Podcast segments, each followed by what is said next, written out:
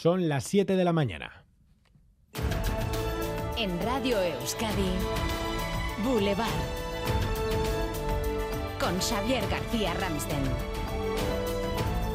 ¿Qué tal, Egunon? En vísperas del Pleno de Política General, que mañana se verá marcado seguro por la economía, esta mañana a esta hora les ofrecemos una nueva edición de EITB Data, con la energía y la inflación desbocados.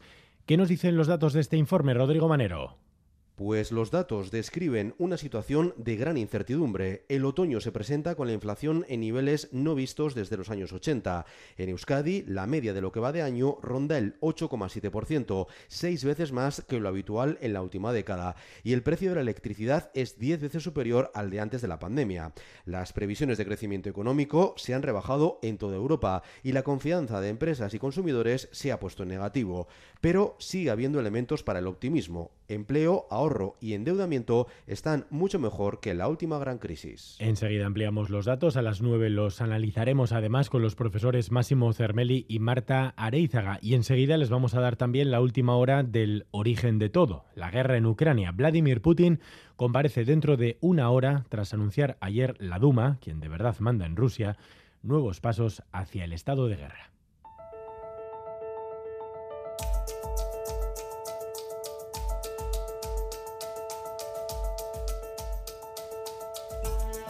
A esta hora arrancamos la mañana muy pendientes de dos incendios desatados ayer por la tarde en Vizcaya y en Navarra. El primero nos sitúa en Zaya, allí nos vamos en directo Iñaki Larrañaga, Egunon.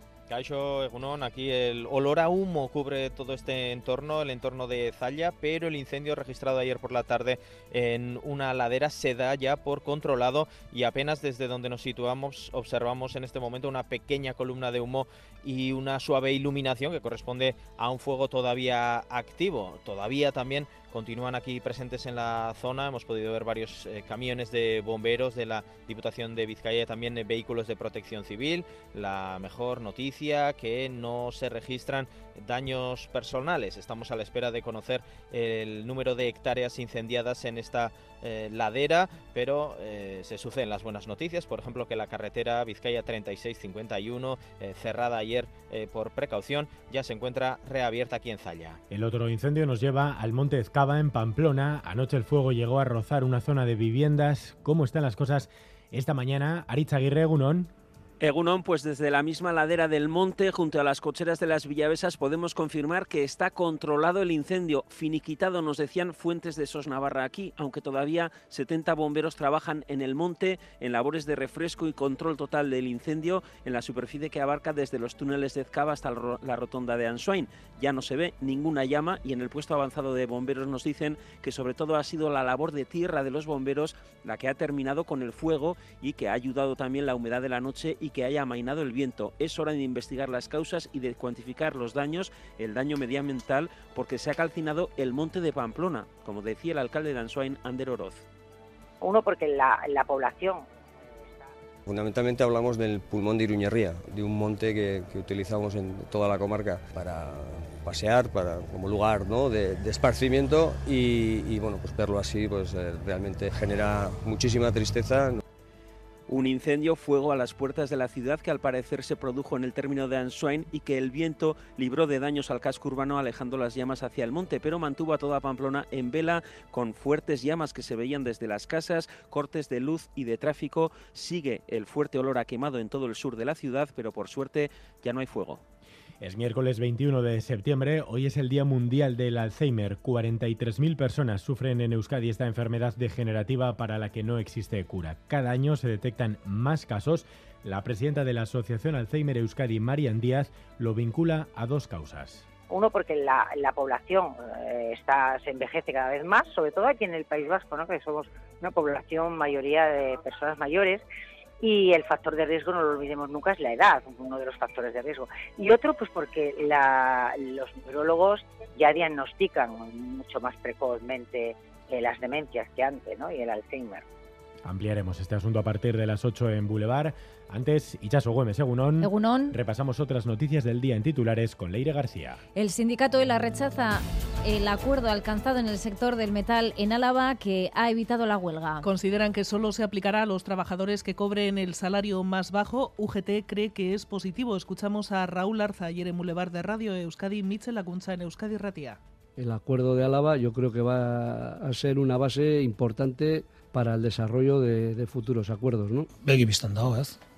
Begi biztan dago, kasuntan, e, bai labek eta bai komisionesek e, bilatu izan dutena da, ba, hori, ba, patronalak e, mai gainean jarri duen e, akordio, akordio hori, baina gure ustez, hiru greba, egun greba horietara e, joan izan bagina, gehiago lortuko genuen dudik gabe. Hmm. El portavoz del Gobierno vasco dice que Euskadi no participará en la pesca de ricos. Tras la decisión de la Junta de Andalucía de suprimir el impuesto de patrimonio sumándose a la Comunidad de Madrid, escuchamos a Binga en Zupiría. Que no vamos a participar en la pesca de los ricos, no vamos a, no es, no, no es esa nuestra política. Y en segundo lugar, que bueno, eh, creo que la situación es lo suficientemente compleja como para que nos preocupemos de lo nuestro sin empezar a juzgar lo que otros hacen. El ministro de Seguridad Social pide que se hable de una posible centralización de los impuestos. El Gobierno, la portavoz del Gobierno, señala que se trata de una opinión personal de escriba. Según ha avanzado Radio Vitoria, una menor ha denunciado a un educador por abusos sexuales en un centro dependiente de la Diputación Foral de Álava. La Erchaincha investiga los hechos que, según la denuncia, ocurrieron a comienzos del mes de agosto. La empresa que gestiona el centro ha abierto un expediente de despido a ese educador. En los deportes miramos a la Champions League femenina. No hubo suerte para la Real que perdió ante el Bayern, eso sí, por la mínima, así que viajará con vida a Alemania. Vamos con el tiempo. Boulevard. El tiempo. Euskalmet Jaione Munarriz, Egunon. Caixo 1, esta noche la temperatura ha vuelto a bajar mucho, sobre todo en Álava y Navarra, donde los termómetros en muchas zonas han bajado los 5 grados, incluso rondan el grado o 2 grados en algunas estaciones. Así que las primeras horas van a ser frías, con algunas nieblas en Álava, sobre todo la llanada alavesa, pero a lo largo de la mañana el sol irá templando el ambiente poco a poco, deshaciendo la niebla y hoy volverá a lucir el sol.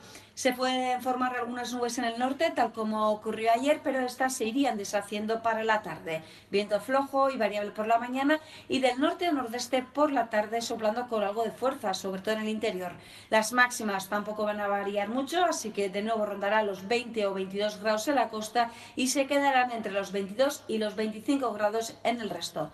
Por tanto, el día volverá a ser soleado con ambiente frío a primeras horas y unas horas centrales bastante templadas. Tenemos 13 grados en Bayona, 12 grados en Bilbao, Baracaldo y Donostia, 11 en Hernani, 9 en Olite, 8 en Amurrio y en Iruña, 4 grados en Gasteiz. 688-840-840. Egunon, leioan amabi gradu ondo izan. Egunon, Zumaian amabi gradu. Animo, aste erdia egin dezu eta.